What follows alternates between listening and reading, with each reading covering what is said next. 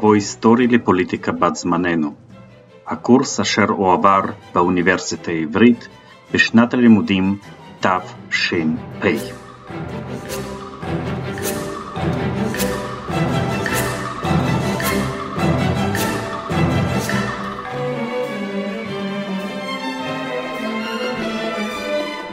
שלום, היום אני עובר לנושא הבא בסילבוס שלנו, שזה אפריקה, ההיסטוריה הפוליטית של אפריקה במאה ה-20. כמובן שאפריקה הוא נושא מאוד אה, גדול ורחב, ואפריקה זה יבשת ענקית אה, שיש בה אה, עשרות מדינות שונות, וכמובן שאין שום אפשרות לעשות צדק לנושא במסגרת של הרצאה אחת. וגם צריך להוסיף לכאן שבדרך כלל פחות מכירים את העובדות הבסיסיות ואת השמות הבסיסיים שקשורים לפוליטיקה של אפריקה ולכן גם לשומע קשה יותר להתקשר לשמות ספציפיים, לאירועים ספציפיים, לעובדות ספציפיות של ההיסטוריה הפוליטית באפריקה. ואני כמובן לא יכול uh, לתקן את המצב הזה תוך שיעור אחד, ומומלץ למי שמתעניין בפוליטיקה של אפריקה לקחת לפחות קורס שלם uh, בנושא הזה. ולכן הדרך שלי uh, היום תהיה לא להפציץ אתכם ביותר מדי תאריכים ועובדות uh, ושמות, אלא להציע לכם בתור התחלה, בתור כניסה לנושא, איזושהי סקירה כללית של המגמות המרכזיות בפוליטיקה האפריקאית ובפוליטיקה של החברות האפריקאיות uh, במאה ה-20. לצייר את, ה, uh, את התמונה הגדולה, להראות את מה שמשותף וגם למקם את ההיסטוריה הפוליטית של אפריקה בתוך ההיסטוריה הפוליטית הגלובלית. אה, וכמובן שיש הרבה מהמשותף אה, בפוליטיקה אה, האפריקאית, אם כי צריך תמיד לזכור שמדובר בחברות במדינות שונות מאוד עם ייחודיות משלהם ועם התפתחויות ספציפיות משלהם. ואני אתרכז על מה שידוע כאפריקה שחורה או אפריקה מתחת לסהרה, סאב סהרן אפריקה. החלק הצפוני של אפריקה, למרות שבמובנים לא מעטים ההיסטוריה שלו גם קשורה להיסטוריה של שאר אפריקה, בכל זאת זה אזור שונה, זה אזור של מדינות ערביות והרבה מאוד מהדינמיקות הפוליטיות שם הן גם קשורות לדינמיקות הפוליטיות אה, באזור הים התיכון אה, ובמזרח התיכון אה, באופן כללי.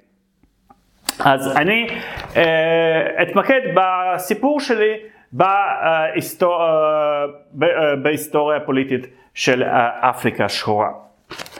למזלכם יש לכם בסילבוס אה, שני מקורות אה, שמתארים את ההיסטוריה הפוליטית של אפריקה במחצית השנייה של המאה ה-20 ששניהם מצוינים, שניהם אומנם די ארוכים, גם מאמר של אה, דניאל גורדון, גם מאמר של, גם הפרק מהספר של כופר יאנג, אבל הם נותנים אה, סקירה מצוינת, ברורה, די ממצה, בנויה בצורה אנליטית טובה מאוד של ההתפתחויות המרכזיות ב, אה, בפוליטיקה האפריקאית, ואני מאוד ממליץ לכם שאתם ממש אה, תעזרו אה, במקורות האלה.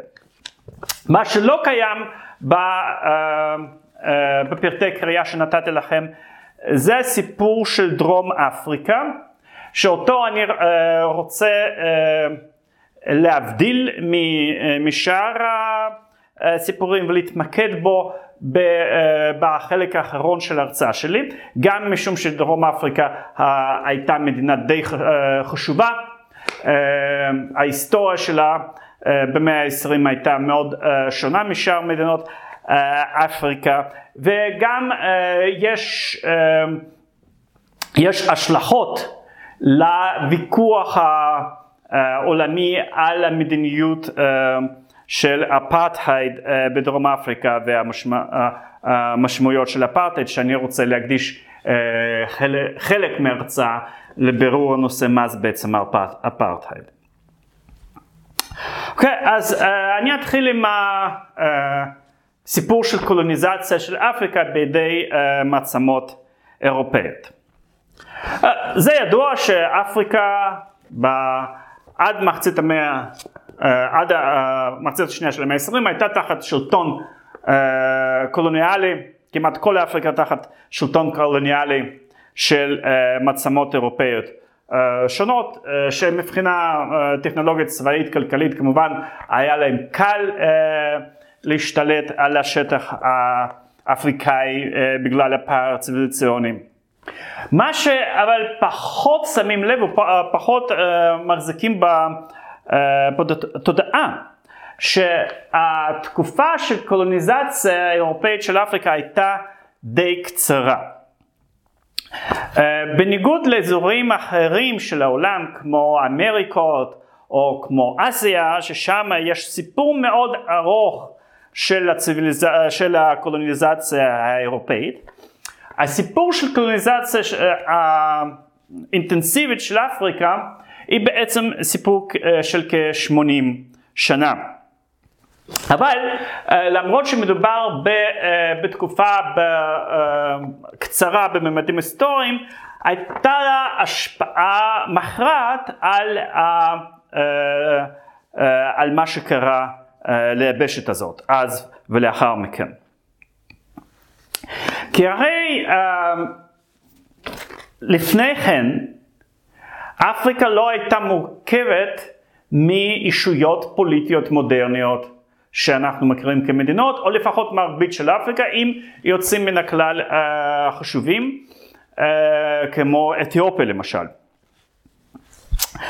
אז מבחינה הזאת, לא היו מסורות פוליטיות מוסדיות ארוכות במרבית אזורי אפריקה, כמו שלמשל uh, היו... Uh, היו מסורות כאלה באזורים אחרים של השליטה האירופאית, באסיה למשל בהודו. אז המורשת של המדינה האפריקאית המודרנית במידה רבה מאוד המורשת הקולוניאלית. המשטרים הקולוניאליים הם אלה שיצרו את המדינות האפריקאיות של היום וגם שרטטו את הגבולות שלהם. מצד שני, אמנם ההשפעה וההשלכה של השלטון הקולוניאלי הייתה מכרעת על המבנה הפוליטי של אפריקה, התקופה הזאת הייתה קצרה מכדי בעצם אה, ליצור איזשהו סוג של הטמעה של אלמנטים של תרבויות אירופאיות בתוך, אה, בתוך האזור הזה. שוב, אנחנו אה, לא צריכים לדבר על המושבות אה, דוברות האנגלית, כמו אוסטרליה, ניו זילנד וקנדה, אבל אנחנו יכולים לדבר על הודו. עדיין, עד כמה שמדובר בציוויליזציה מאות שנה, נוצ, נוצ, נוצרה איזושהי השפעה תרבותית חזקה מאוד של בריטניה על אה, החיים החברתיים והתרבותיים אה, בהודו אה, במאה העשרים. זה לא ממש, זה אה, קורה אה, הרבה פחות ביבשת אפריקה, שאומנם אפריקה מקבלת מהמעצמות האירופאיות את המוסדות הפוליטיים ההתחלתיים שלהם וגם במובן מסוים את השפות, אבל מצד שני הממשק בין התרבויות הוא הרבה יותר קצר מאשר במקרים ובמקומות אחרים. אוקיי, אז מה, ש, מה שקורה בעצם מבחינת הקולוניזציה של אפריקה שאירופאים באים, משנים בצורה עמוקה את הנוף החברתי של מה שקורה ודי מהר עוזבים. המושבות הראשונות של האירופאים באפריקה אה, אה, אה, כבר בתקופת העת החדשה המוקדמת. אבל זה בעיקר היאחזויות ברצועת החוף. כאשר המטרה שלהן היא להבטיח את המסחר ש... או את קווי המסחר הימיים שדרכם אירופה סוחרת עם, עם, עם אזורים כמו הודו. יש גם אזורים מסוימים שבהם מתחילה התיישבות של ממש, במיוחד בדרום אפריקה באזור של קייפ טאון. אבל כאשר אנחנו מגיעים לשליש האחרון של המאה ה-19, האירופאים עדיין מחזיקים בערך עשרת האחוז מהשטח של אפריקה. והמצב הזה משתנה מהר בסוף מאה ה-19, כתוצאה במובנים רבים של, כמו שקורה הרבה פעמים בהיסטוריה, כתוצאה מנסיבות אקראיות, נסיבות היסטוריות, חשיבות של מקריות היסטוריות באיך שהיא משפיעה על תהליכים גלובליים וארוכי טווח. וזה קשור לניסיונות של כמה מדינות אירופאיות לקראת סוף מאה ה-19 להרחיב או לרכוש את השליטה האימפריאלית באזורים מסוימים של אפריקה. במיוחד לשתי מדינות צריך לשים לב, קודם כל זה גרמניה, שכמדינת לאום חדשה באירופה וכמעצמה צעירה, בעצם הגרמניה המודרנית כמדינת לאום וכמעצמה מוקמת ב-1871, יש לה תחושה שהיא פיגרה במפעל הקולוניאלי והיא רוצה למצוא אזורים נוספים שעדיין פנויים למטרות קולוניאליות או למטרות התיישבות, או לפחות אפשר לחשוב שיש ויהיה רצון בגרמניה להתפשט לאזורים האלה. מדינה אחרת היא מדינה קטנה שהיא בלגיה, אבל המלך של בלגיה בעצם הוא הראשון שמחליט באופן שיטתי להיכנס לתוך יבשת אפריקה, באזור במרכז אפריקה שידוע כקונגו הבלגי, והיום זה מדינה שידועה כרפובליקה דמוקרטית של קונגו. והוא נכנס עמוק פנימה אל תוך אפריקה, וזה מעורר חשדנות רבה מצד הצרפתים ויוצר מתח בין צרפתים לבלגים. וכתוצאה מהבנה שהמשך של חדירה לתוך אפריקה עלול לגלוש למאבק ולמלחמה בין מעצמות אירופאיות, וכדי להפיג את המתחים האלה ולקבוע איזה שהם כללי משחק מקובלים על כולם, מתכנסת ב-1884 בברלין על פי הזמנתו של קאנצלר ביסמרק ועידה שידועה כוועידת קונגו או ועידת ברלין, ועידה שנמשכת כשנה מ-84 עד 85, שבסופה בעצם נקבעים כללים לאיך מעצמות אירופאיות מתנהגות זו מול זו בתוך אפריקה על מנת uh, למנוע חיכוכים בלתי הכרחיים. Uh, על מנת uh, שאולי תבינו בעצם את ההיגיון של הדבר הזה, תחשבו על, על הסיפור העכשווי כאשר רוסיה נכנסה יותר עמוק למלחמת אזרחים בסוריה ואז הדבר בעצם הוביל לצורך של ישראל ורוסיה לתאם,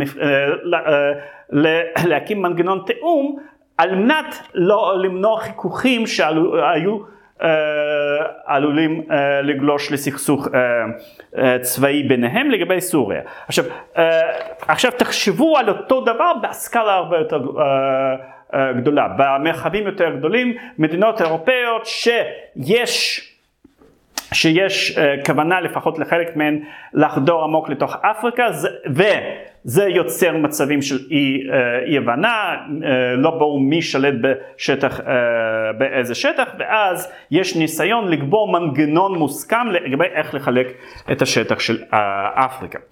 והוועידה הזאת קובעת מספר עקרונות, כאשר למשל אחד העקרונות הוא של בעלות אפקטיבית על השטח. מה זה אומר בעלות אפקטיבית? יש כמה קריטריונים מתי מדינה מסוימת יכולה לטבול לעצמה בעלות על שטח מסוים, למשל כאשר היא למעשה כורתת בריתות עם, או הסכמי סחר עם שבטים מקומיים, כאשר היא תוקעת את הדגל באופן פיזי באזור מסוים, כאשר היא מקימה מנגנוני שלטון וכולי וכולי. וברגע שהמנגנון המוסכם הזה מוקם, אז זה בעצם מעודד את מרוץ לכבוש עד כמה שיותר מהשטח uh, באפריקה. כי כל מדינה עכשיו יודעת שכל מדינה אחרת תנסה, בהתאם לכללים שהוסכם עליהם, לתפוס עד כמה שיותר מהשטח. ואז לקראת המאה ה-20, ודאי לקראת מלחמת העולם הראשונה, כמעט כל שטח של אפריקה נמצא בבעלות אירופאית uh, קולוניאלית.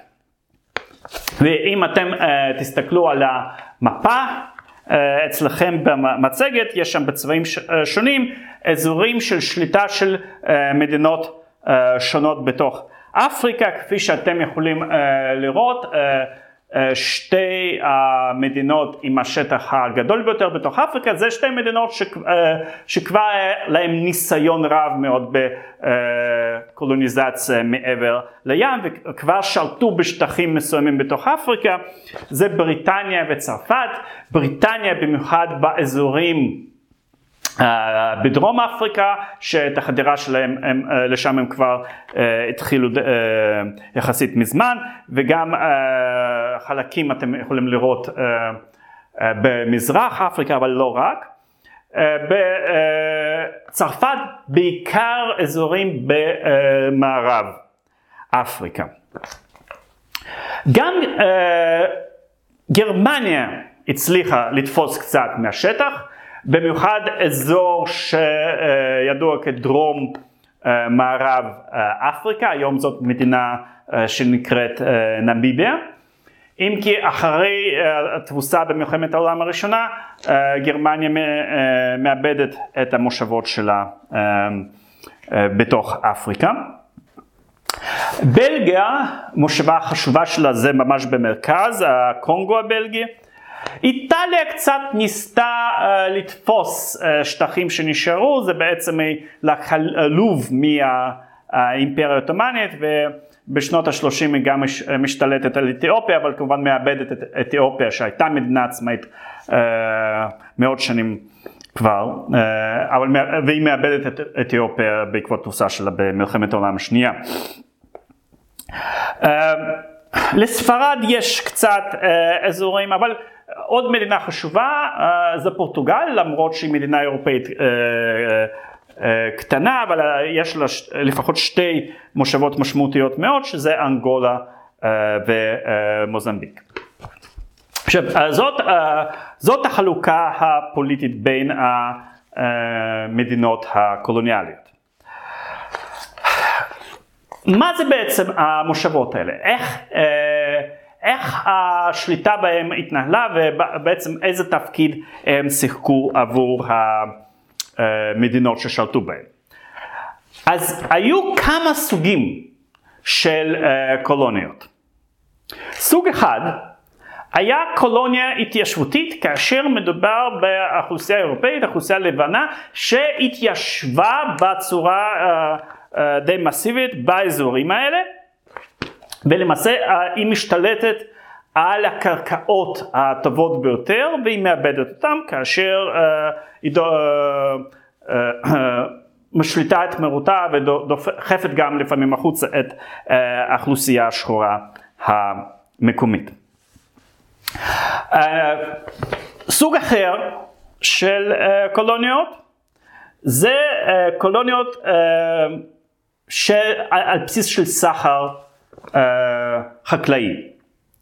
זאת אומרת, שליטה אדמיניסטרטיבית של המעצמות, בריטניה, צרפת, על השטח, כאשר האוכלוסייה המקומית מייצרת uh, תוצרת חקלאית, למשל קפה, והיא מוכרת uh, אותה למדינת האם, בתמורה מקבלת מוצרים שיוצרו על ידי מדינת האם. שוב, מקור של היוו עבור מדינות אירופאיות ומקור לשו... לשיווק של המוצרים שלו. חלק מהאזורים לא היו מתאימים מסיבה זו או אחרת לייצור חקלאי רווחי, והם שימשו למעשה כמאגר של כוח עבודה.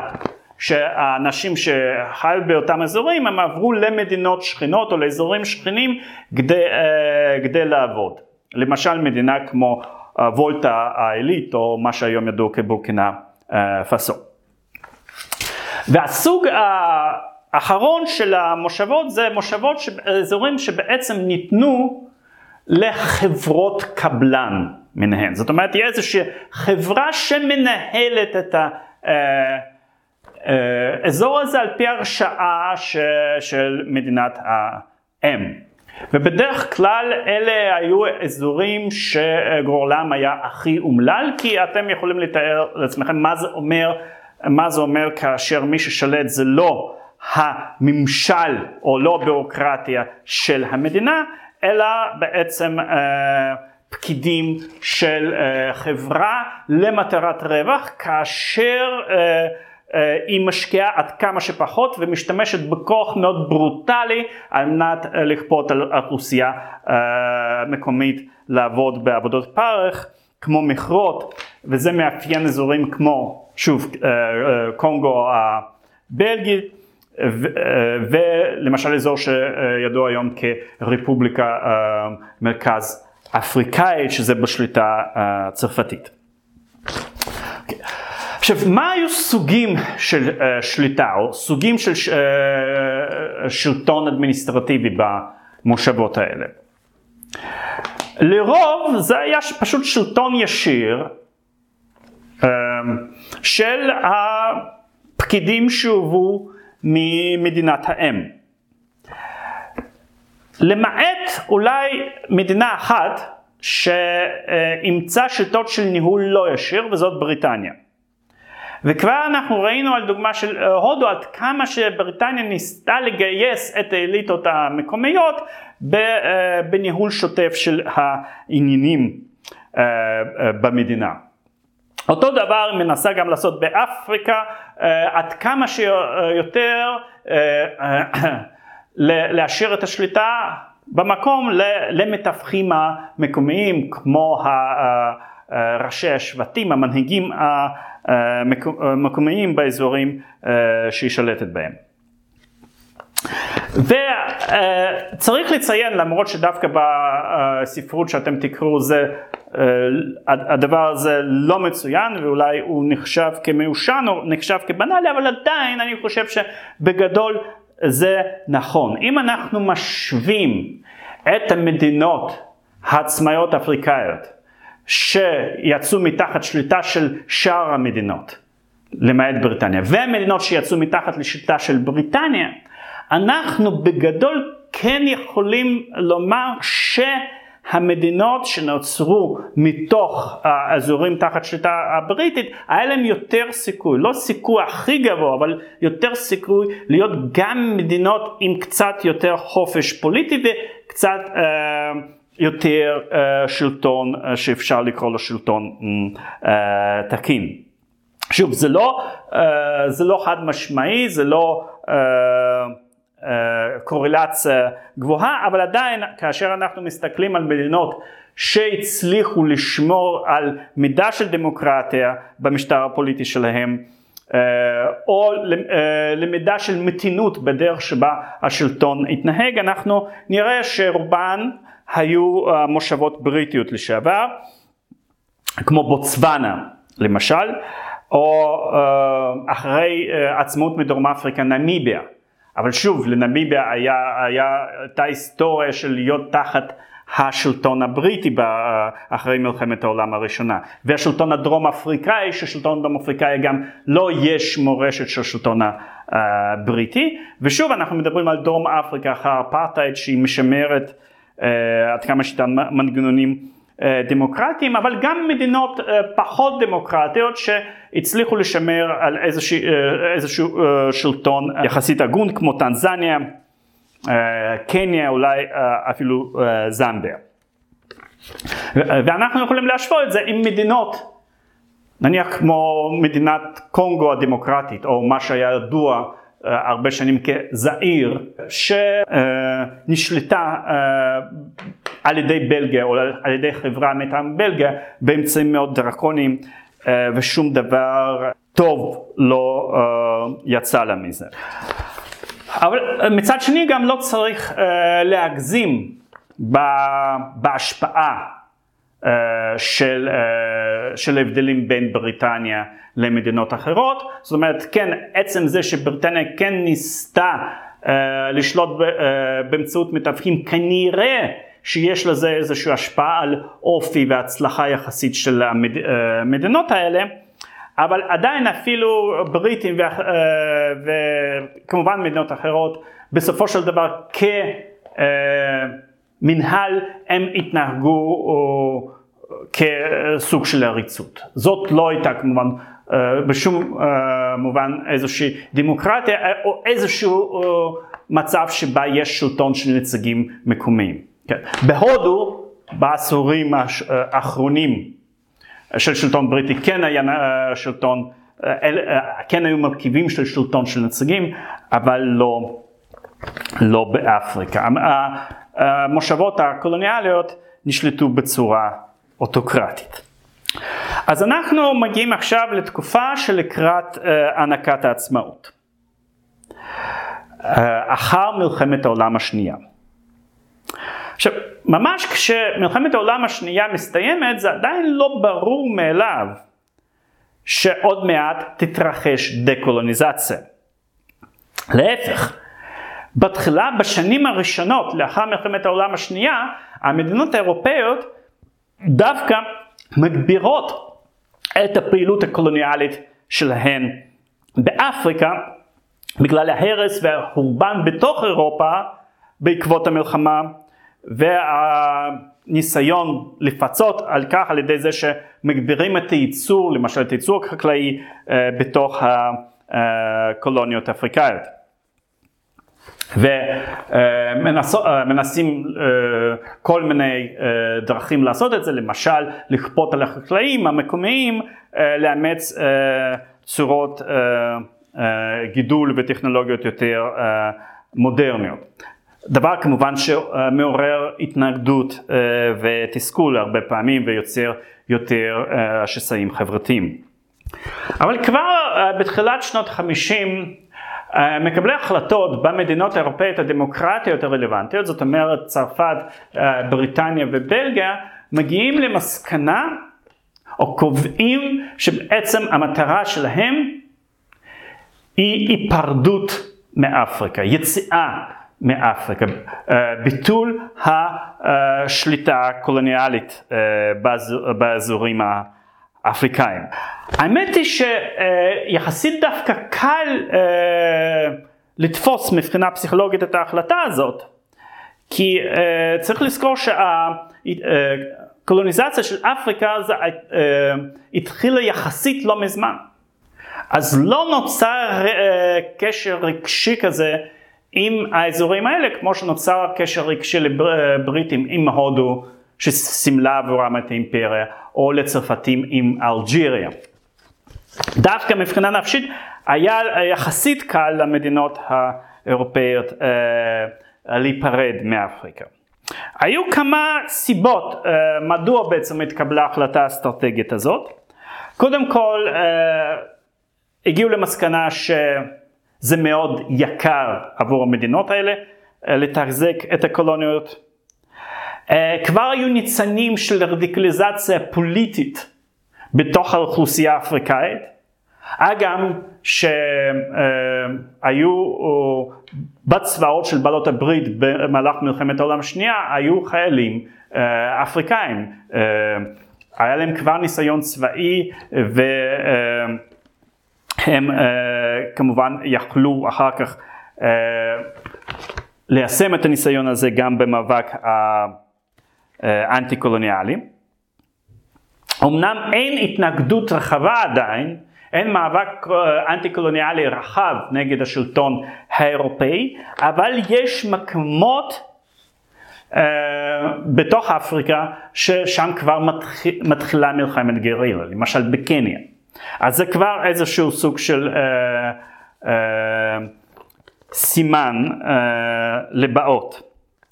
וגם ההקשר הבינלאומי הרחב, כאשר שתי המעצמות שקובעות את סדרי העולם אחרי מלחמת העולם השנייה, אה, ברית המועצות כמובן, אבל גם ארצות הברית, מתנגדות אה, לקולוניאליזם האירופאי אה, מהסוג הזה, ויש גם לחץ בתוך האומות המאוחדות על המדינות האירופאיות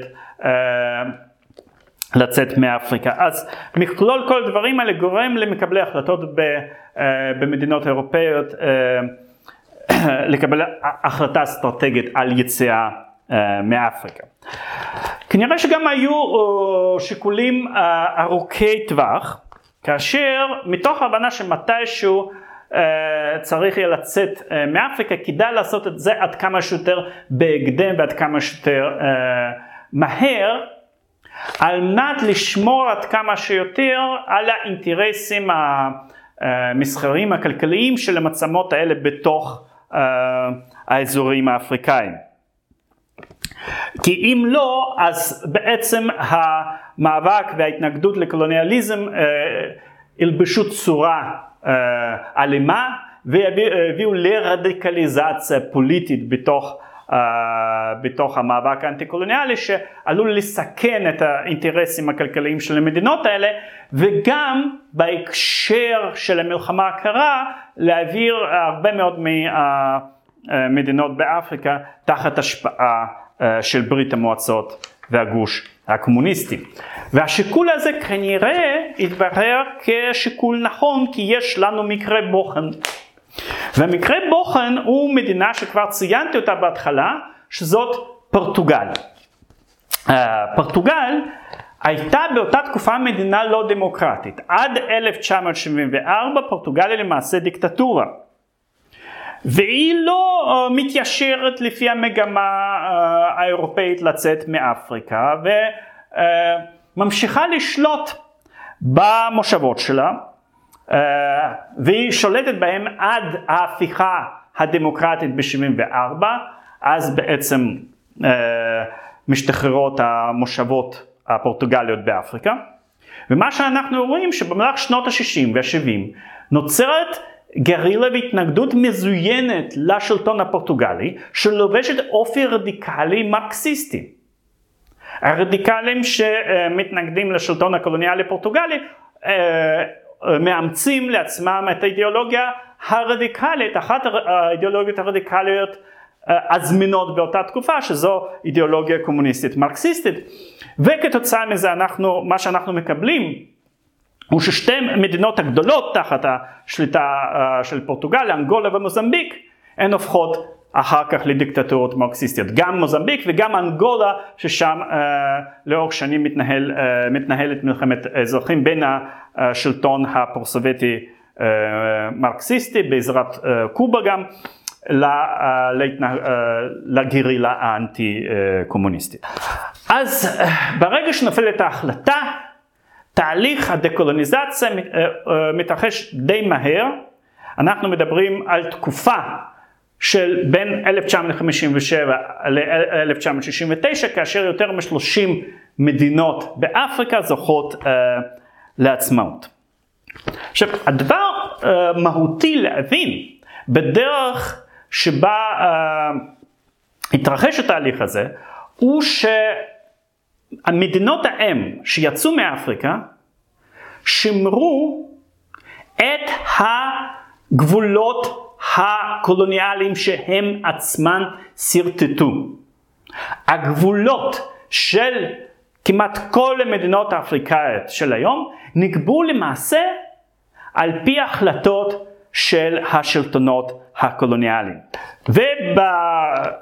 וברגע של נתינת העצמאות זה, דבר, זה הדבר הכי מובן מאליו, כי ברגע שאתה מפרק איזושהי, איזושהי אה, מסגרת אימפריאלית ואתה צריך להחליט מה הגבולות ש, שכל חלק שמקבל עצמאות צריך uh, לזכות בהם, אז כנראה שאין ברירה אלא לומר בעצם אתה משתמש בגבולות הקיימים. כי אם אתה אומר שהגבולות הקיימים הם לא לגיטימיים, אז אתה פותח דלת למחלוקת בלתי סופית לגבי מה הם, אילו גבולות הם לגיטימיים. זאת אומרת, הדרך היחידה לשמור על איזשהו, איזשהו שלום, כאשר אתה מפרק מדינות, אתה צריך לפרק אותם לפי הגבולות הפנימיים הקיימים. אבל הגבולות האלה שורטטו כמעט בלי שום התחשבות למרקם האתני של אותם אזורים ואפילו למרקם הטופוגרפי של אותם אזורים. אם אתם תסתכלו על המפה של אפריקה אתם תראו שהרבה מאוד מהגבולות של המדינות שם הם קווים ישרים. פשוט ישבו פקידים ושרטטו את uh, אזורי ההשפעה. הרי אף מדינה שנוצרה מתוך איזשהו תהליך טבעי הגבולות שלה לא יהיו ישירים, הם לא יהוו קו uh, כזה. ומה שזה אומר שהמדינות באפריקה לא נוצרו כמדינות לאומיות, מדינות שיש בהן רוב מוצג בעל uh, זהות לאומית שסביבו אפשר uh, לכונן איזשהו אתוס ש, של מדינת לאום. נוצרו מדינת לאום באופן פורמלי, אבל מידת ההזדהות הכוללת של התושבים שלהם עם המדינה הזאת הייתה יחסית קטנה. זה משתנה ממדינה למדינה, אבל בחלק מהמדינות בהחלט נוצר אה, פסיפס רב אתני שהקשה מאוד על הקמה של מנגנוני מדינה אפקטיביים שמרבית תושבי uh, המדינה uh, רוכשים להם כבוד ונאמנות uh, מוחלטת. ובמקרים uh, uh, אחדים זה גם גלש למלחמות אזרחים כמו בניגריה, כמו בקונגו לשעבר המושבה של בלגיה ואפילו לפעמים הביא לאירועים כמו רצח עם ברואנדה זה כבר יחסית לא מזמן, זה uh, שנות התשעים. אז uh, זו הייתה ממש uh, בעיה uh, די uh, אקוטית. אבל מה שמפתיע באופן פרדוקסלי הוא שלמרות כל הקשיים האלה ולמרות חוסר היגיון בשרטוט הגבולות הקולוניאליים, כמעט כל הגבולות האלה נשמרו. והשינויים המעטים שקרו הם לא היו שינויים של התאמות גבול בין מדינות, אלא בדרך כלל הם היו שינויים של מחוז אחד פרש ממדינה יותר uh, גדולה. ויש לנו כאן uh, מקרה של אריתריאה שפרשה מאתיופיה, הייתה תחת שליטה של אתיופיה, אבל שוב, אתיופיה לא הייתה מדינה uh, תחת שליטה קולוניאלית. והמקרה השני אה, זה מקרה יחסית, אה, שקרה יחסית לא מזמן של עצמאות של אה, דרום סודאן אבל שם בהחלט היה הבדל עצום במרקם האתני והתרבותי של מדינה שנקרא סודאן הצפון זה אוכלוסייה ערבית בעיקר, הדרום זה, זה אוכלוסייה שחורה. הייתה גם מלחמה על השטח, מלחמה בין סומליה לאתיופיה בשנות ה-70. אבל שוב, זה יוצא מן הכלל כי אתיופיה לא הייתה אה, קולוניה באותה תקופה. אוקיי, אה, אז אה, מבחינה פוליטית ומבחינת המשטר הפוליטי, כאשר מדינות האם אה, עוזבות, הן אה, משאירות, הן כותבות ומשאירות למדינות שהן אה, מקימות חוקות אה, דמוקרטיות לפי הדגם שלהן. זאת אומרת הבריטים נותנים חוקה בדומה לדגם הפרלמנטרי, שמי ששולט שם הקבינט ובראשו עומד אה, ראש ממשלה, הצרפתים אה, מאמצים דגם יותר אה, נשיאותי, כפי שגם דומה למה שקורה לצרפת באותן שנים. אבל שוב, בניגוד למה שקורה באזורים אחרים כמו הודו למשל, זה לא שהייתה לאוכלוסייה המקומית התנסות עם מרכיבים של אותה חוקה לפני כן.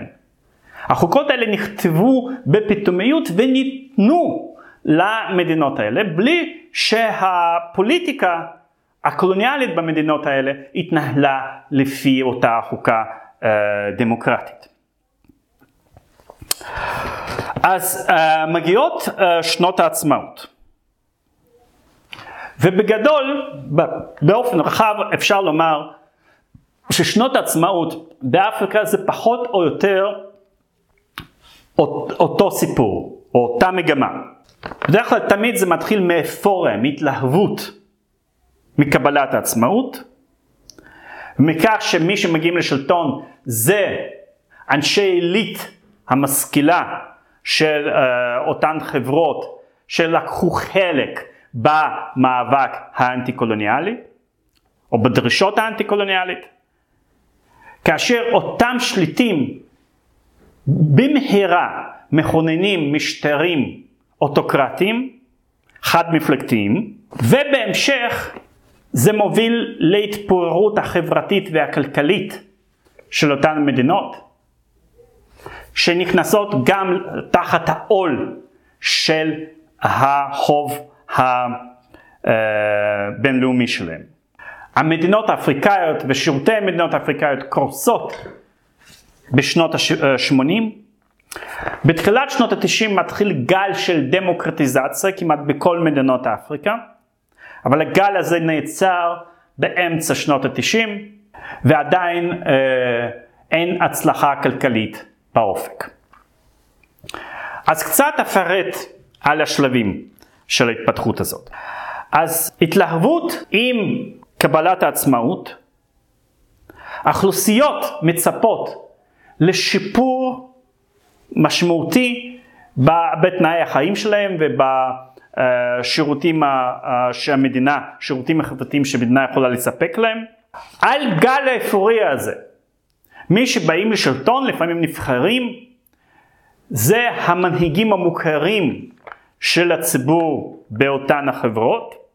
חלקם הרב כבר ידועים כמנהיגים לאומיים שהתנגדו לשלטון הקולוניאלי.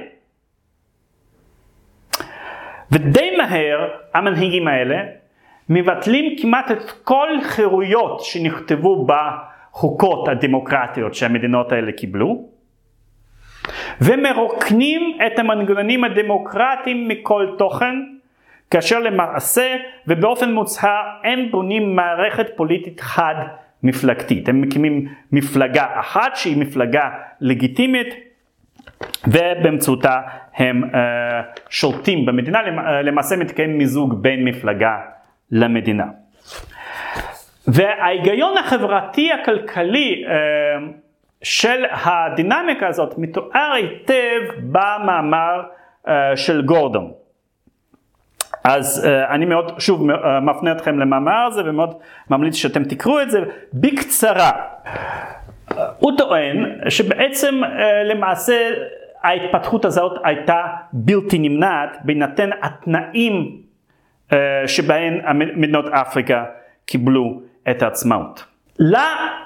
לציבור ולתושבים באפריקה כמעט לא היה ניסיון ניהולי. מי שניהל את המדינות האלה היו פקידים קולוניאליים שבאו מאירופה. ברגע שהם עוזבים נוצר ריק. ריק של כוח אדם שיכול לנהל את המדינה בצורה איכותית. האליטה המשכילה שיש לה גם ניסיון אה, בניהול ביורוקרטי היא מאוד אה, קטנה. חוץ מזה,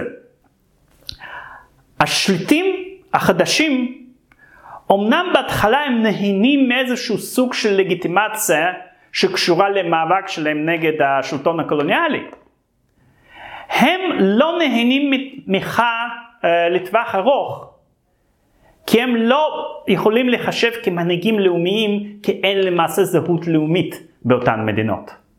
בדרך כלל הם באים מאיזשהו סוג של uh, קבוצה אתנית, אפילו קבוצה אתנית מועדפת על ידי שלטונות קולוניאליים, שהרבה פעמים היא גם מיעוט, שאין לה לגיטימיות, או אין לגיטימיות דווקא לה, לשלוט במדינה בעיני אנשים ששייכים לקבוצות אתניות אחרות. ובהיעדר לגיטימציה חזקה ולגיטימציה ארוכת טווח, ובהיעדר איזושהי מסורת ארוכה של שלטון ביורוקרטי יציב על ידי התושבים המקומיים, המנהיגים האלה שרוצים להישאר בשלטון נאלצים ליצור לעצמם את בסיסי התמיכה. איך יוצרים את בסיסי התמיכה? בונים מנגנון שלטוני מנופח על מנת לתת ג'ובים, לייאש אותו באלה שנאמנים להם. ליצור בסיס של לקוחות שיהיו תלויים בהם. ולכן נוצרת ביורוקרטיה מנופחת, המדינה מתנפחת, יש גידול מסיבי בשירותי הביטחון ובצבא, ועל כל הדברים האלה צריך לשלם. למדינה עכשיו יש הרבה הוצאות. בשנות החמישים המצב הכלכלי אה, במושבות האפריקאיות לא, לא היה רע, מכיוון שהמחירים בעולם על תוצרת חקלאית מאזורים האלה היה, היו, היו די גבוהים, וההכנסות של האזורים האלה בגלל ייצור של תוצרת החקלאית היו די גבוהות, וזה גם הייתה סיבה לאופטימיות החלטית לגבי הסיכויים להתפתחות של אותן מדינות.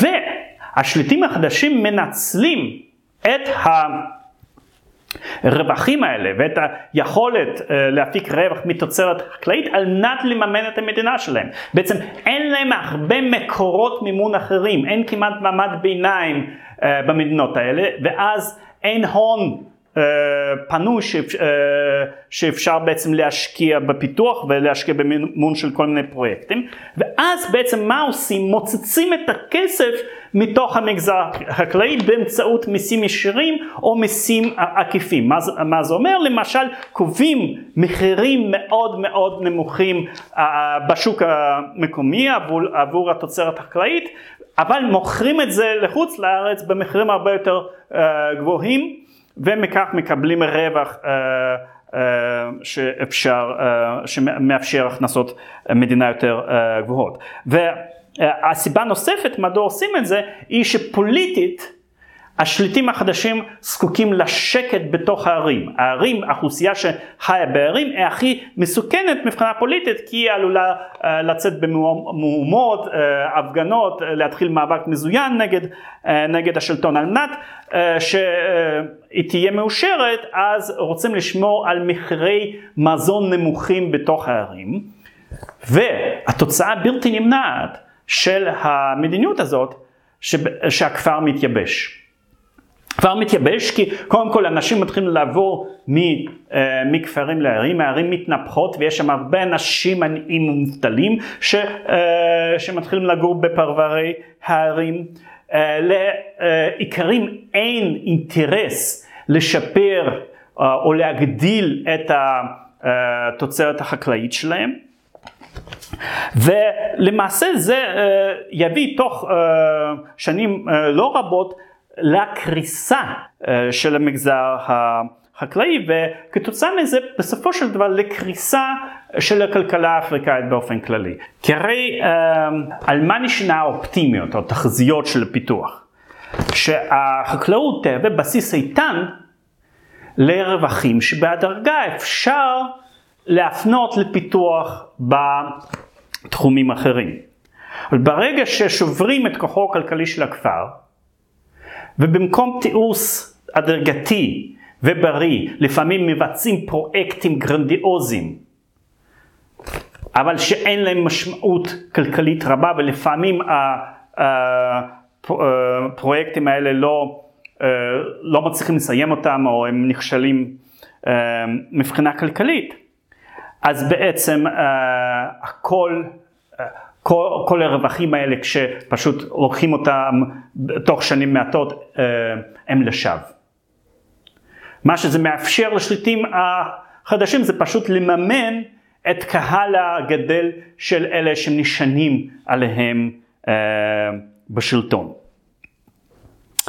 אז כך אה, לקראת סוף שנות ה-60 מה שאנחנו רואים במדינות האפריקאיות האלה, שוב זה משטר חד מפלגתי, עם מדינה מנופחת כאשר היא משתלטת גם על רוב העניינים הכלכליים באמצעות הקמה של חברות ציבוריות וחברות ציבוריות זה, ותאגידים ציבוריים זה בעצם אה, אמצעי לתת אה, מקומות פרנסה למקורבים ועם מנגנוני ביטחון אה, מנופחים. ולמעשה זה גם היה מצופה משום שהדפוס של מדינה אוטוריטרית מדכאת זה, זה דבר היחיד שהאוכלוסיות של אותן מדינות ידעו כי זה איך שגם מדינה קולוניאלית אה, התנהגה. לא, היה למה, אה, לא הייתה הרבה התנסות עם דגמים של משטרים אה, ייצוגיים. אז תוך עשור המנהיגים שעלו לשלטון על גל הזה של התלהבות מעצמאות, מאבדים מאוד את הפופולריות שלהם וכבר מתחילים להיתפס כמנהיגים מושחתים. אבל הם כבר הצליחו לבסס את הדיקטטורות שלהם כך שאי אפשר להחליף אותם באמצעות אמצעים דמוקרטיים. ואז הדינמיקה שמתפתחת באפריקה זה דינמיקה של שינויי שלטון בעקבות הפיכות צבאיות. הרבה פעמים אנשי צבא תופסים שלטון בעילה של לנקות את המדינה, את השלטון מהשחיתות, אם כי לרוב הם בעצמם אה, ממשיכים להתנהג בצורה אה, מושחתת. והפיכות צבאיות מתחילות להיות אה, נפוצות אה, לקראת שנות ה-70. למה? כי אם בהתחלה מדינות, הצבאות במדינות העצמאיות החדשות היו מאוד קטנים, האירופאים השאירו שם צבאות מאוד אה, קטנים, אז השליטים החדשים הרי ניפחו את הצבאות. וברגע שצבא הפך למנגנון חזק וגדול, אז הצבא uh, התחיל להשתולל ולתפוס את השלטון. ולפי חישובים, באפריקה, דרומה מסהרה, uh, בין השנים 1956 ל-2011, התרחשו 108 ניסיונות הפיכה שכשלו ו-80 הפיכות צבאיות שהצליחו. זאת אומרת, עדיין הפיכות צבאיות אה, היה עסק די מסוכן, אבל הרבה מההפיכות האלה היו הפיכות מוצלחות. והיו מדעני מדינה באותה תקופה בשנות 70 ו-80 שהתחילו לדבר על הפיכות צבאיות כסוג של תחליף בחירות לעניים. כן? מה שבחירות עושות במדינות דמוקרטיות מפתחות, זה תפקיד שהפיכה צבאית ממלאת באפריקה.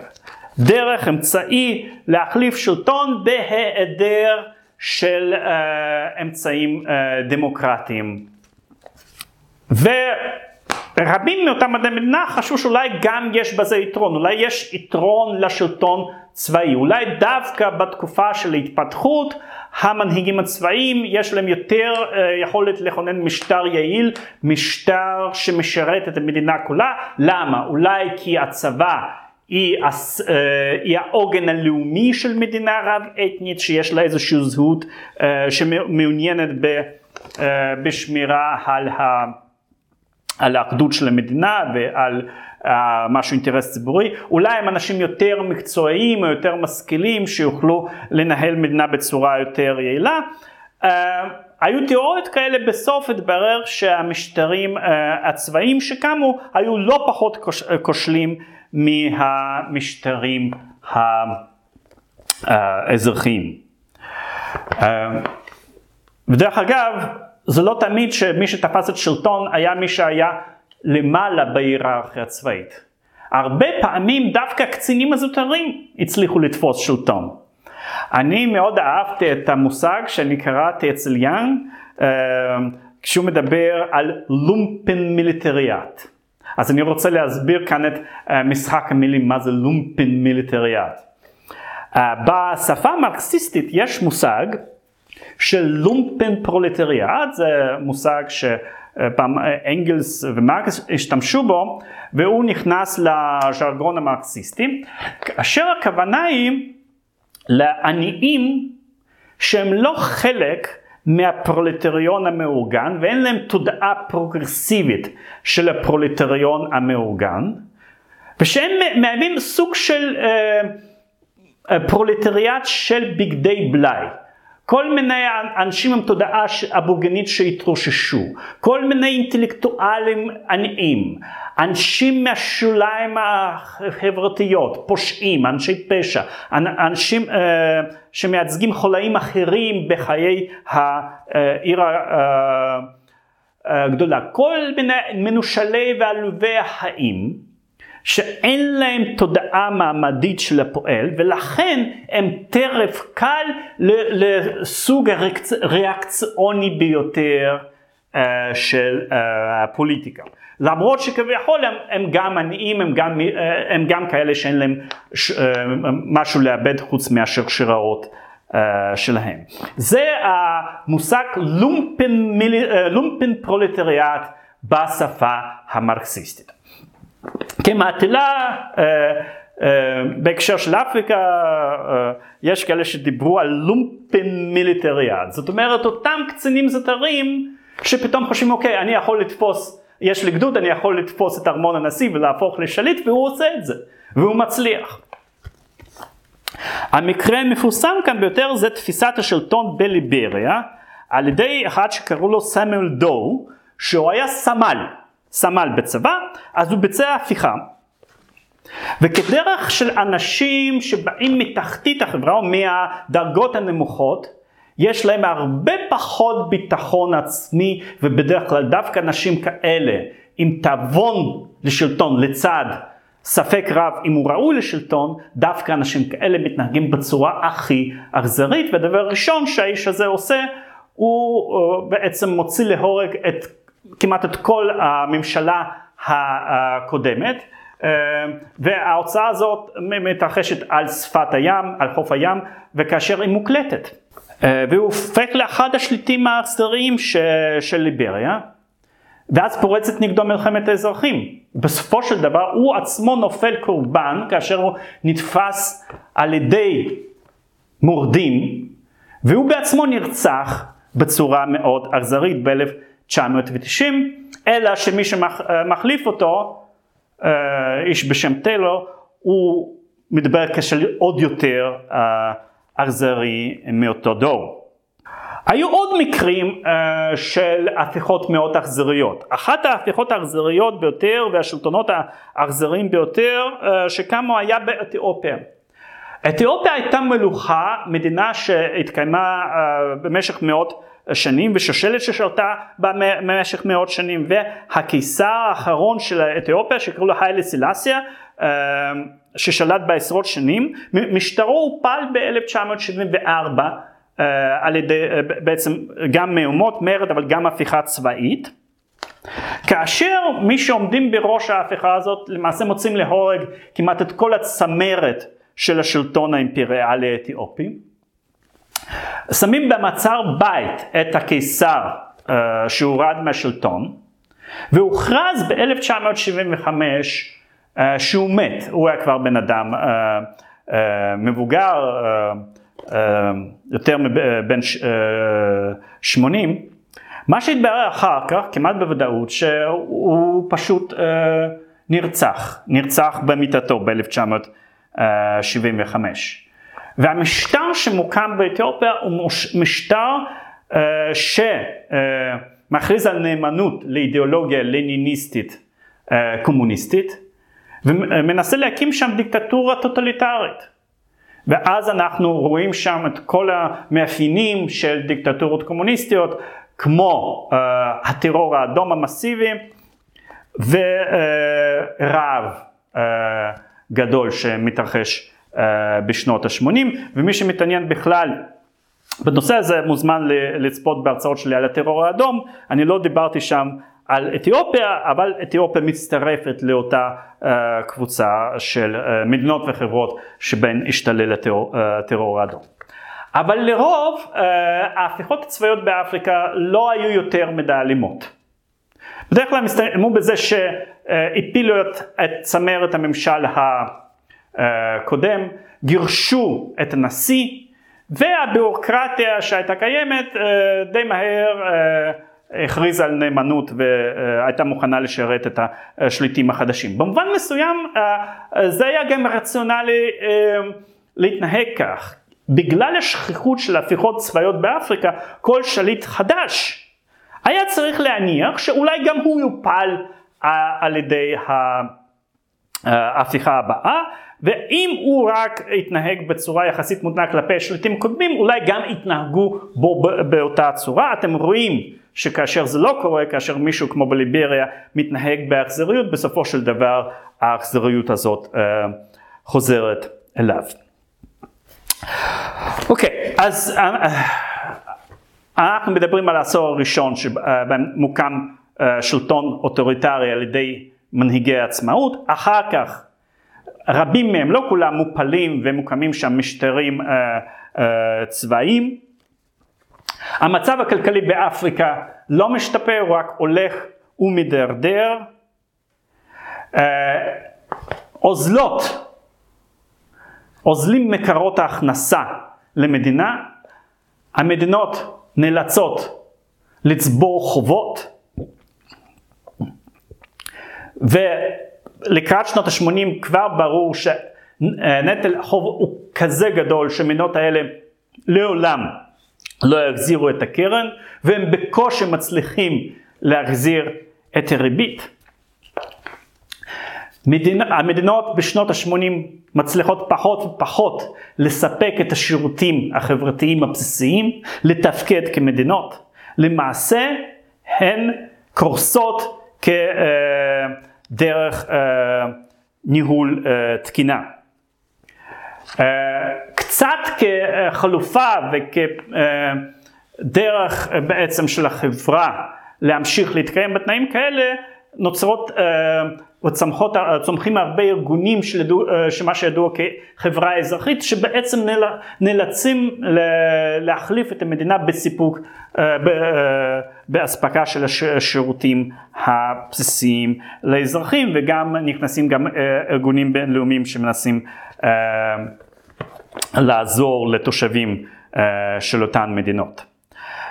ואז ביחס לאפריקה התפיסה, גם בקרב החוקרים, שאפשר להגדיר אותו כאפרו-פסימיזם, תפיסה שבעצם אין סיכוי לאפריקה לעבור לפחות באופק הנראה לעין איזשהו תהליך מסודר של התפתחות מודרניזציה כלכלית ולשפר את תנאי החיים של האזרחים שם. זאת אומרת התחזיות הכלכליות והפוליטיות לגבי גורלה של אפריקה מאוד, הפכו להיות מאוד פסימיות לעומת האופטימיות ששרתה בשלהי העצמאות.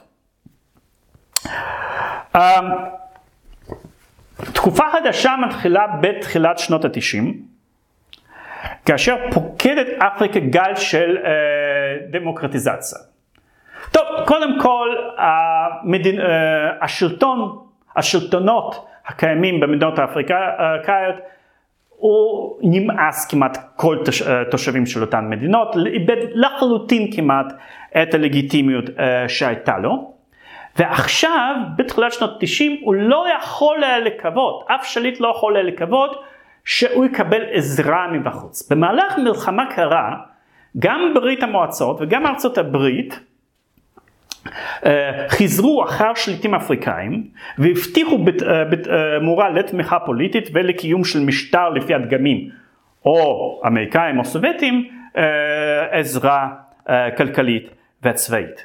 ברגע שמלחמה הקרה מסתיימת אז ארצות הברית וברית המועצות מאבד, מאבדות את העניין באזור הזה והן מפסיקות את העזרה שלהן, כולל העזרה הכלכלית, למדינות האלה. אחת הסיבות, אגב, למשל מדוע המשטר הטוטליטרי באתיופיה נפל ב-1991 זה פשוט כי uh, ברית המועצות הפסיקה uh, לתמוך בו למעשה. אז יש לחץ מבפנים, יש אובדן תמיכה מבחוץ, יש איזושהי אווירה של דמוקרטיזציה שמתרחשת באזורים אחרים בעולם ועל זה עוד uh, נדבר. ואז השליטים האפריקאים או שהם מודחים או שהם נאלצים להסכים לוויתורים שכוללים בחירות חופשיות, מערכת רב מפלגתית, חירויות אזרח בסיסיות. אז שוב פתאום נוצרת איזושהי אופטימיות שהנה עתה מדינות אפריקאיות יעברו את תהליך הדמוקרטיזציה שבסופו של דבר גם תביא לשיפור בתנאים הכלכליים. אבל המגמה הזאת למעשה נעצרת איפשהו באמצע שנות התשעים. כבר באמצע שנות התשעים הלחץ הבינלאומי על מדינות אפריקה לעבור תהליך של דמוקרטיזציה הוא uh, נחלש. בעצם המדינה הראשונה שמחלישה את הלחץ הזה היא, אה, היא צרפת. עכשיו צרפת זה סיפור קצת מיוחד, אה, מיוחד. בעוד שמדינות קולוניאליות אחרות פשוט עזבו את אפריקה, צרפת אמנם העניקה עצמאות למושבות שלו, היא, אה, היא נשארה הרבה יותר מעורבת מקרוב במה שנעשה באפריקה באזורים שהיא שרתה בהם. היא שמרה על כמה בסיסים צבאיים שלה במערב אפריקה, והיא יותר ממדינות אחרות התערבה במה שנעשה בפוליטיקה הפנימית של מדינות אפריקאיות של האזור הזה, כאשר היא לא כל כך, אה, אה, די מהר הפסיקה להאמין בכך שמדינות האלה אה, יש להן סיכוי להפוך למדינות דמוקרטיות, והיא תמכה בדרך כלל בשליטים אוטוריטריים שלדעתם היו מסוגלים לתת יציבות לאותן מדינות לטווח הארוך.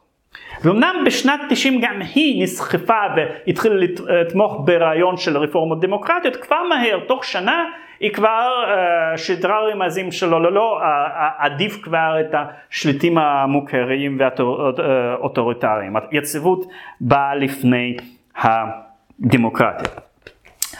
עוד, uh, עוד סיבה לאכזבה היא שבעצם uh, כאשר uh, נגמרה המלחמה הקרה והתחילו תהליכי דמוקרטיזציה הייתה ציפייה שיבואו חברות מערביות ויתחילו להשקיע בפיתוח אפריקה בתנאים יותר נחים, בתנאים יותר פתוחים, יותר דמוקרטיים. אלא מה קרה? באותן שנים התרחשו תהליכי דמוקרטיזציה בהרבה מדינות בעולם, כולל מזרח אירופה.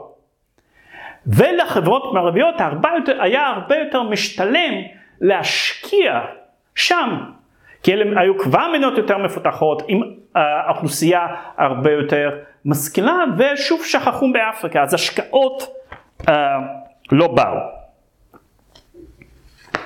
אז uh, לקראת סוף uh, שנות 90 אנחנו בעצם רואים ש... Uh, הדיקטטורות ברוב אפריקה שרדו, אפילו כאשר שליטים אוטוריטריים הופלו מהשלטון או הוחלפו באמצעות בחירות חופשיות, רבים מהם, או, או אלה שבאו בעקבותיהם, הצליחו לחזור לשלטון ולבסס את שלטונם האוטוריטרי שוב. לא בצורה דיקטטורית מובהקת כמו פעם, לא בצורה בדרך כלל של מערכת חד מפלגתית מוצהרת, אבל עדיין משטרים שהם לא משטרים דמוקרטיים, שיש שם דומיננטיות uh, של מי שנמצא כרגע uh, בשלטון. לפעמים uh, יש שם נראות של בחירות חופשיות, אבל למעשה זה לא uh, בחירות חופשיות. אבל יחד עם זאת עדיין נוצרו כמה מדינות באפריקה ששמרו על מנגנונים דמוקרטיים בצורה זו או אחרת. זאת אומרת זה לא חד משמעי ואפשר בהחלט לראות את מה שקרה באפריקה בשנות התשעים כהתחלה של דרך מייגעת ארוכה ואיטית לדמוקרטיזציה. יכול להיות שדמוקרטיזציה כזאת לא תיקח אה, שנים אחדות, אלא תתפרס על עשרות שנים, אבל לעומת מה שאנחנו רואים באפריקה בשנות 70 ו-80, אנחנו כן רואים כמה מדינות בעלות uh, מה שאפשר uh, לקרוא לו משטר דמוקרטי מתייצב. עוד התפתחות אחת מהשנים האחרונות, ובהיעדר של השקעות מסיביות ממדינות מערב וגם מהאזור הסובייטי לשעבר, מי שנכנס עם ההשקעות שלו uh, בתוך אפריקה זה סין. זה uh, ממש uh, התפתחות uh, של העשורים האחרונים. אוקיי, okay, אז זה מה שרציתי לומר על ההיסטוריה הפוליטית או איזשהם ציוני דרך עיקריים בהיסטוריה הפוליטית uh, של אפריקה השחורה. עכשיו אני רוצה לסיים את ההרצאה הזאת עם uh, כמה uh, מילים על דרום אפריקה. שבמאה ה-20 לעומת שאר מדינות אפריקה הייתה מדינה מפותחת, שנשלטה על ידי, uh, על ידי אוכלוסייה לבנה, מקומית אבל לבנה, הייתה מבוססת על דיכוי ולישול זכויות של האוכלוסייה השחורה, והייתה מדינה אה, שמבחינת ההתפתחות הכלכלית והטכנולוגית הייתה שייכת לעולם הראשון.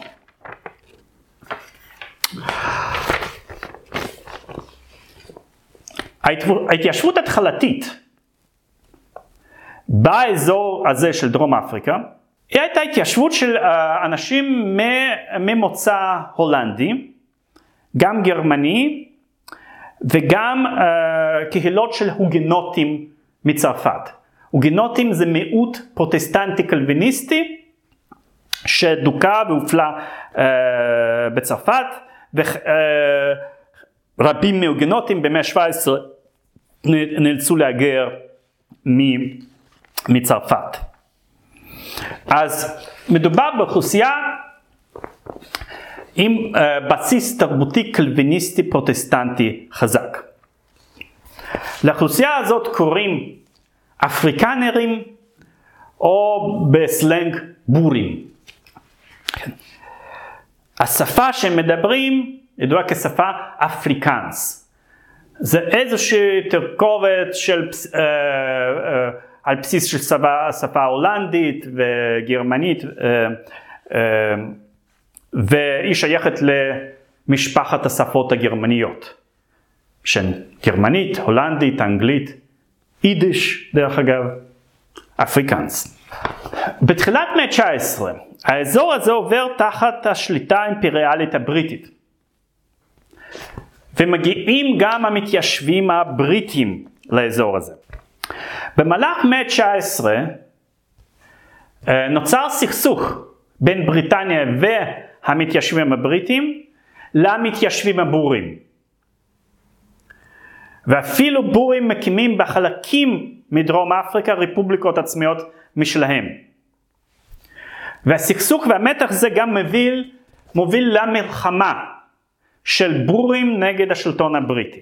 יש שתי מלחמות, אה, אחת אה, במאה ה-19, שנייה בשלחי המאה ה-19 ו-20.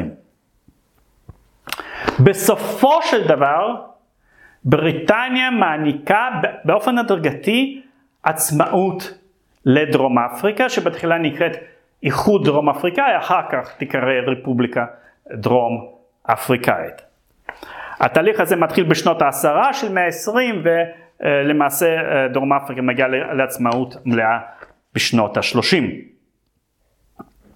עכשיו כאשר הבריטים אה, הגיעו לדרום אפריקה, התחילו לשלוט בה, הם ביטלו את העבדות, אבל כמובן כמו גם באזורים אחרים של התיישבות הלבנה, באפריקה המשטר היה מבוסס על אפליה של, uh, uh, של, uh, של השחורים המקומיים, כאשר הלבנים איבדו והשתלטו על מרבית הקרקעות הטובות, והייתה כמובן קיימת אפליה גזעית בלתי פורמלית נגד האוכלוסייה השחורה. ככל ששיעור האוכלוסייה השחורה גדל גם בגלל הילודה וגם בגלל ההגירה פנימה בגלל שיפור התנאים הכלכליים כך השחורים גם נושלו מזכויות פוליטיות אם היו להם ולמעשה מהזכות להצביע ככל שהמדינות האלה עברו דמוקרטיזציה. עבור האוכלוסייה הלבנה. אבל רק במאה ה-20 ובמיוחד אחרי 1948 כאשר בדרום אפריקה מגיעה לשלטון מפלגה שנקראת מפלגה לאומית רק אז גזענות הופכת לא רק לסוג של אה, פרקטיקה בלתי פורמלית אלא לאידיאולוגיה רשמית פורמלית של המדינה. והאידיאולוגיה הזאת ידועה בשם אפרטהייד. ואני רוצה להגיד כמה דברים על מה זה בעצם אפרטהייד ומה המשמעות ומה המהות של אפרטהייד. כי זו מילה שעברה גם אה, אינפלציה בשיח הציבורי הפוליטי המודרני ואיכשהו המשמעות שלו הומאמה. היום אנשים פחות מודעים ומבינים מה זה אפרטהייד ולכן הם לא, אה, לא תופסים תמיד מדוע אפרטהייד עורר סלידה והתנגדות כל כך חזקות בקרב uh, האנושות, uh, בקרב uh, בעולם. אז אפרטהייד.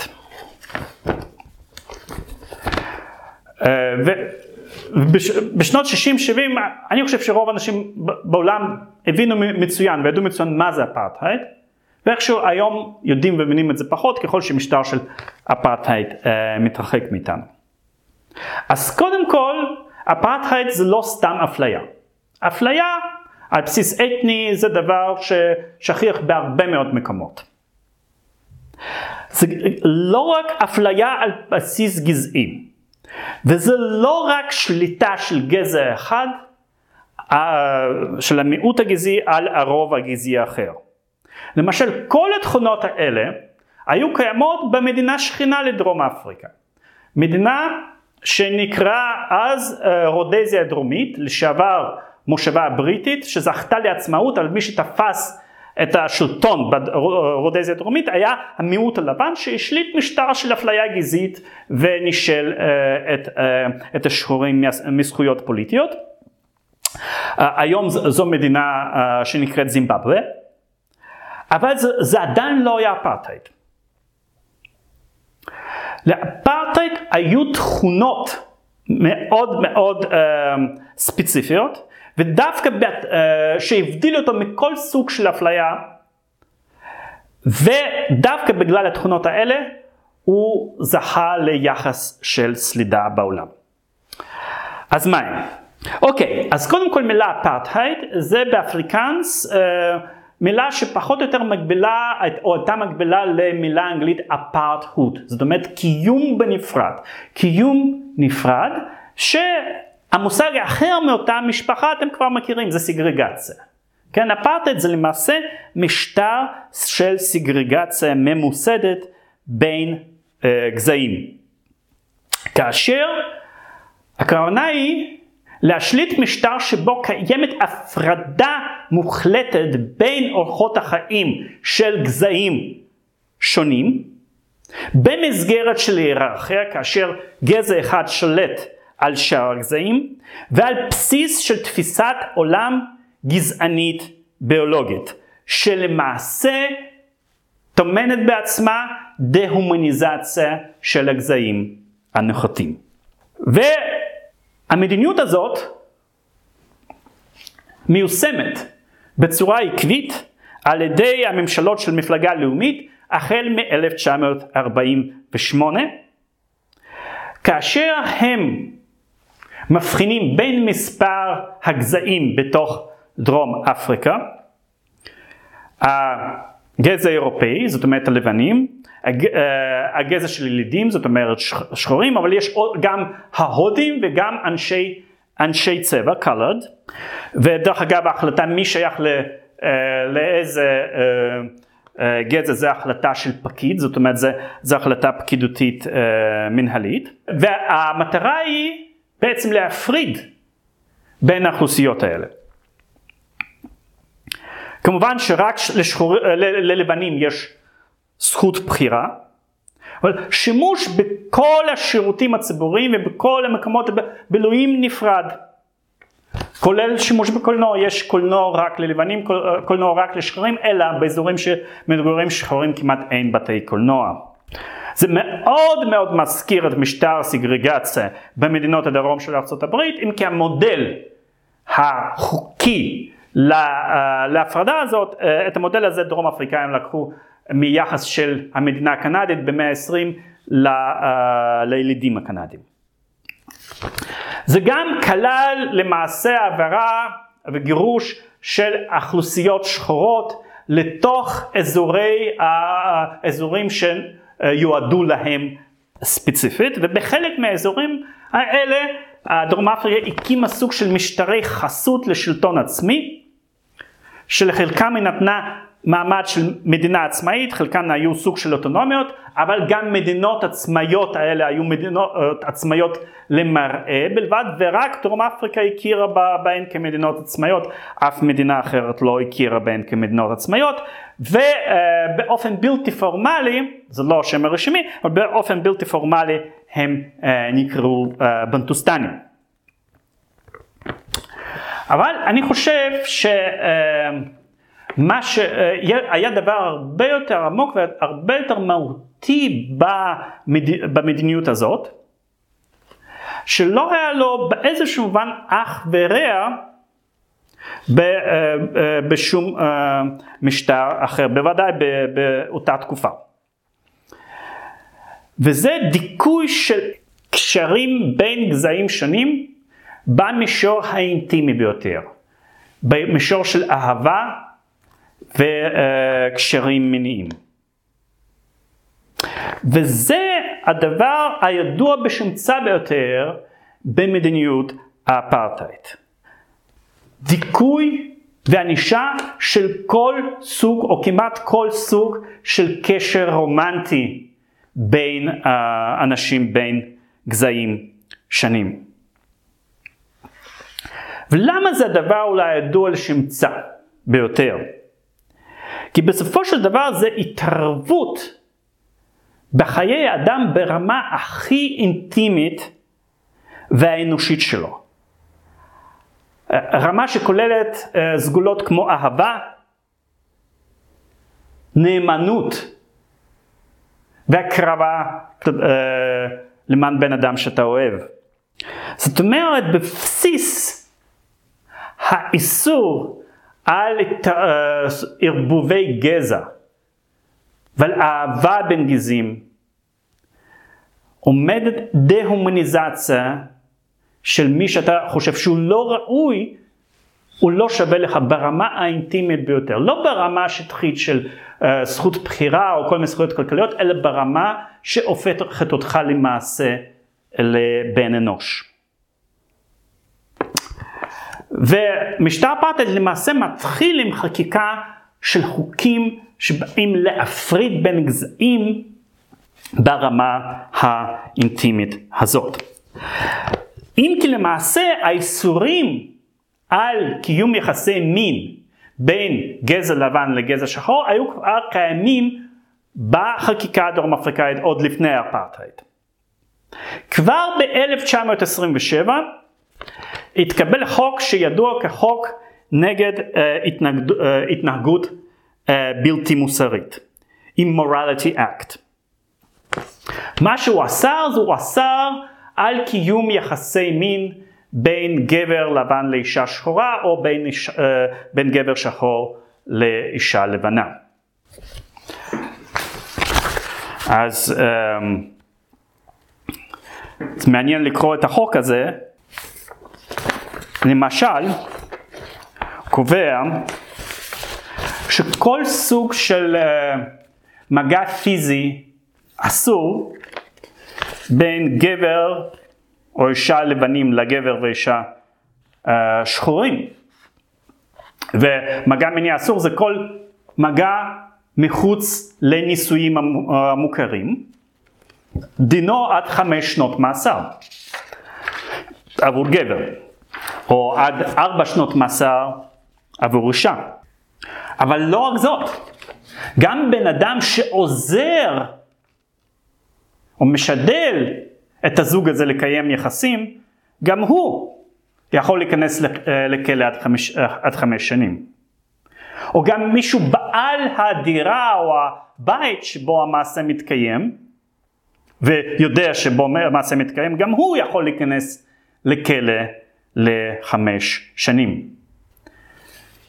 ונטל ההוכחה שהזוג הזה נמצא ביחסי נישואים, נטל ההוכחה היא על הזוג עצמו, על הנאשמים. עכשיו, מה שכמובן היה עדיין מותר זה להתחתן. אה, להינשא לבן אדם אה, מגזע אחר. ועם תחילת משטר אפרטהייד, אחד החוקים הראשונים שמתקבל ב-1949 הוא אוסר על נישואים בין גזעים. כל, מאותו רגע אסור, אסור להכיר uh, בנישואים uh, בין גזעים שונים. ב-1950 מתקבל חוק נגד uh, התנגדות בלתי מוסרית, שאוסר לא רק על יחסים בין לבנים לשחורים, אלא בין, uh, uh, על יחסים בין כל מיני גזעים. זאת אומרת, גם עכשיו אסור יחסים בין uh, uh, לבנים להודים. שוב, עד חמש שנות כלא. ב-1957 יש חוק יותר כולל שמפרט כל מיני עבירות נגד מוסר. Uh, זה יכול uh, להיות החזקה של בתי זנות.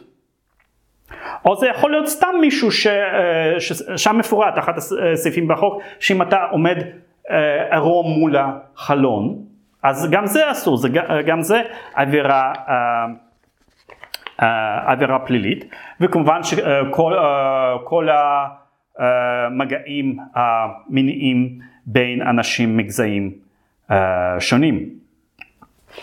כמובן שאנחנו גם יודעים על מקרים של הרבה איסורים והרבה רשמות עבירות של עבירות מיניות גם בהרבה מדינות של ארה"ב, אבל שם במאה ה-20 זה נאכף פחות.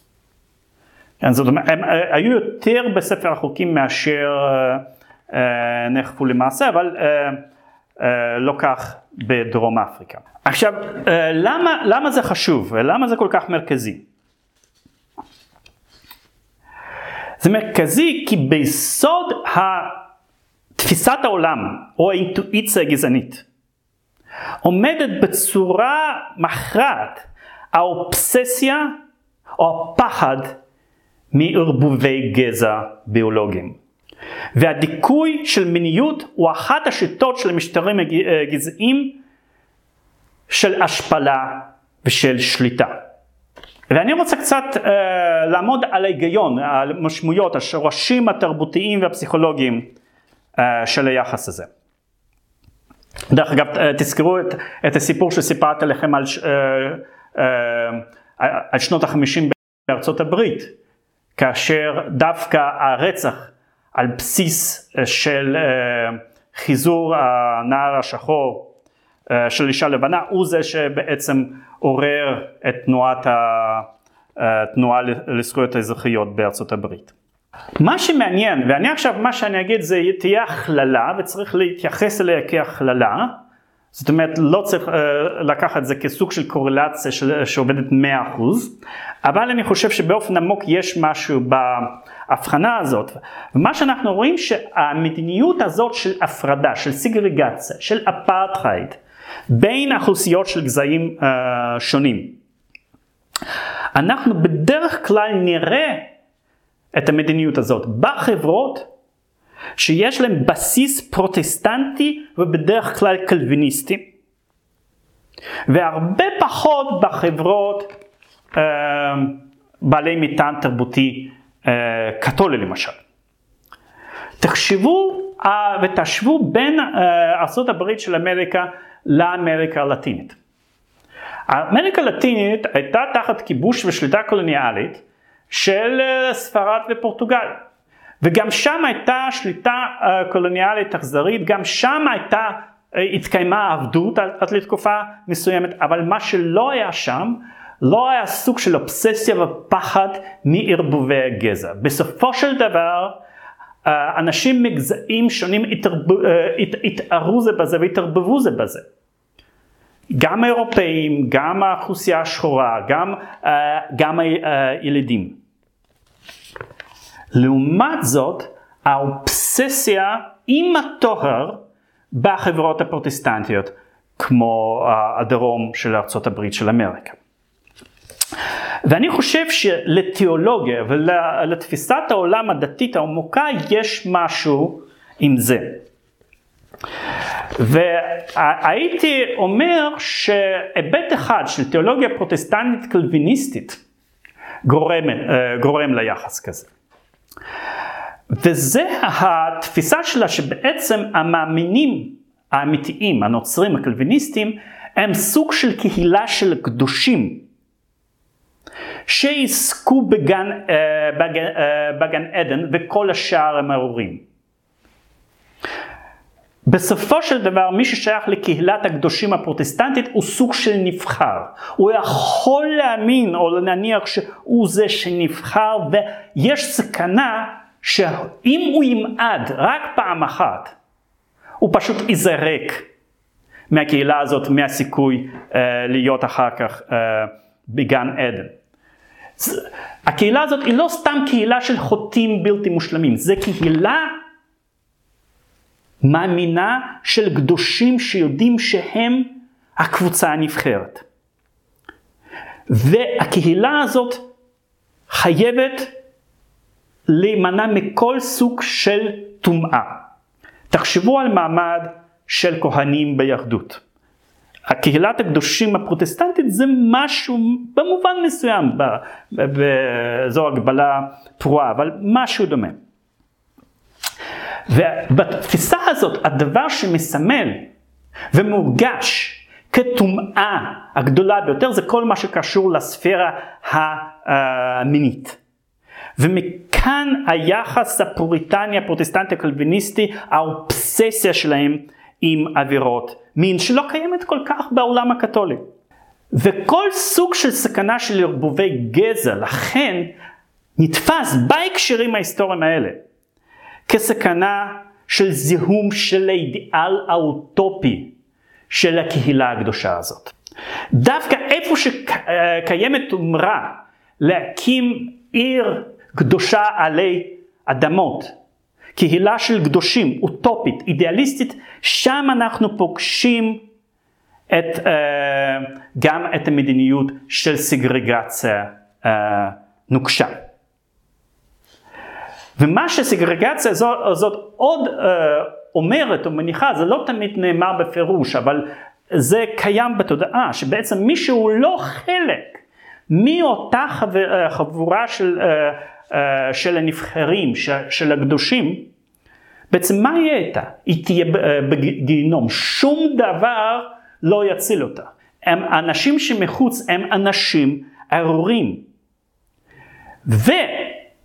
ומה שנגזר מזה, אם כי זה לא תמיד נאמר, שבעצם הם אה, לא ממש בני אדם במובן הנעלה של המילה. אה, זה טומן בעצמו אפשרויות לדה-הומניזציה uh, של אותן אוכלוסיות. זאת הסיבה מדוע אפרטהייד נחשב על ידי אנשים בדרך כלל לדבר כל כך uh, גרוע ודבר שצריך לסלוד ממנו. ולכן uh, uh, זאת הסיבה גם מדוע האיסורים המיניים uh, שלהם כל כך חשובים, כי הם מהווים את הבסיס של התפיסה העמוקה ביותר שמבצעת דה-הומניזציה uh, uh, של uh, האוכלוסייה השחורה. ולכן זה לא מקרי שברגע שהשלטון האפרטהייד בדרום אפריקה מתחיל להיחלש, הדבר הראשון, הלבנה הראשונה שנופלת זה איסורים מיניים. בעצם רוב האיסורים אה, על יחסי מין בין גזעים שונים מתבטלים עוד בתקופת אפרטהייד כשמתחילות רפורמות ב-1985. מי שמנסה לבצע קצת רפורמות במשטר של אפרטהייד אה, זה אה, בן אדם שקוראים לו פיטר בוטה, הוא היה פוליטיקאי ממפלגה לאומית, הוא בשנות ה-70 היה גם שר ההגנה של דרום אפריקה שיזם את תוכנית לפיתוח של נשק גרעיני בדרום אפריקה, אחר כך הפך לראש ממשלת דרום אפריקה ונשיא של אה, דרום אפריקה והוא ניסה גם תחת הלחץ של עיצומים בינלאומיים אה, לבצע כמה רפורמות בתוך משטר אפרטהייד, למשל הוא נתן ייצוג פוליטי, זכות לבחור בבתים, נבחרים, בבתים אה, נפרדים של פרלמנט, גם צבעוניים וגם להודים, עדיין לא לשחורים. הוא בשלהי כהונתו מנסה לנהל משא ומתן עם מנהיג של הקונגרס הלאומי האפריקאי נסון מנדלה, שאז עוד נמצא בכלא. וב-1985 כאמור הוא מבטל את החוקים שקשורים לאיסורים מיניים. ואומנם אלה היו שינויים יחסית קטנים, אבל אפשר להניח, ואני הייתי אומר את זה די בוודאות, שברגע שהלבנה של דיכוי על בסיס מיני נופלת, האפרטהייד קורס. די בלתי נמנע שהוא יקרוס, כי ברגע שאתה מאפשר ואתה אומר שזה לגיטימי ההתערעות הכי, ברמה הכי אינטימית, בסופו של דבר כל המבנה הזה על בסיס של הפרדה ביולוגית בין, uh, בין הגזעים uh, לא, לא יכול להתקיים, ובאמת uh, המשטר האפרטהייד קורס די מהר. ב-1989 מסיבות רפואיות בוטה מתפטר, מי שמחליף אותו זה uh, פוליטיקאי ממפלגתו שקוראים לו פרדריק דה קלרק, הוא נשיא של דרום אפריקה מ-1900 89 עד 1994 והוא זה שבעצם מוביל את המהלך של ביטול משטר אפרטהייד, ביטול של חוקי אפרטהייד וב-1994 uh, מתקיימות לראשונה בחירות חופשיות ושוות uh, שבהן מי שזוכה זה נלסון uh, מנדלה מנהיג הקונגרס הלאומי האפריקני, המפלגה שמנהלת מאבק ארוך שנים נגד אפרטהייד, דרך אגב השם African National Congress הוא כמובן אה, אומץ כסוג של רמז לתנועת התנגדות אחרת שהיא אינדיה National Congress ומ-1994 זה סיפור כבר שונה, זה סיפור של דרום אפריקה ללא אפרטהייד. תודה רבה.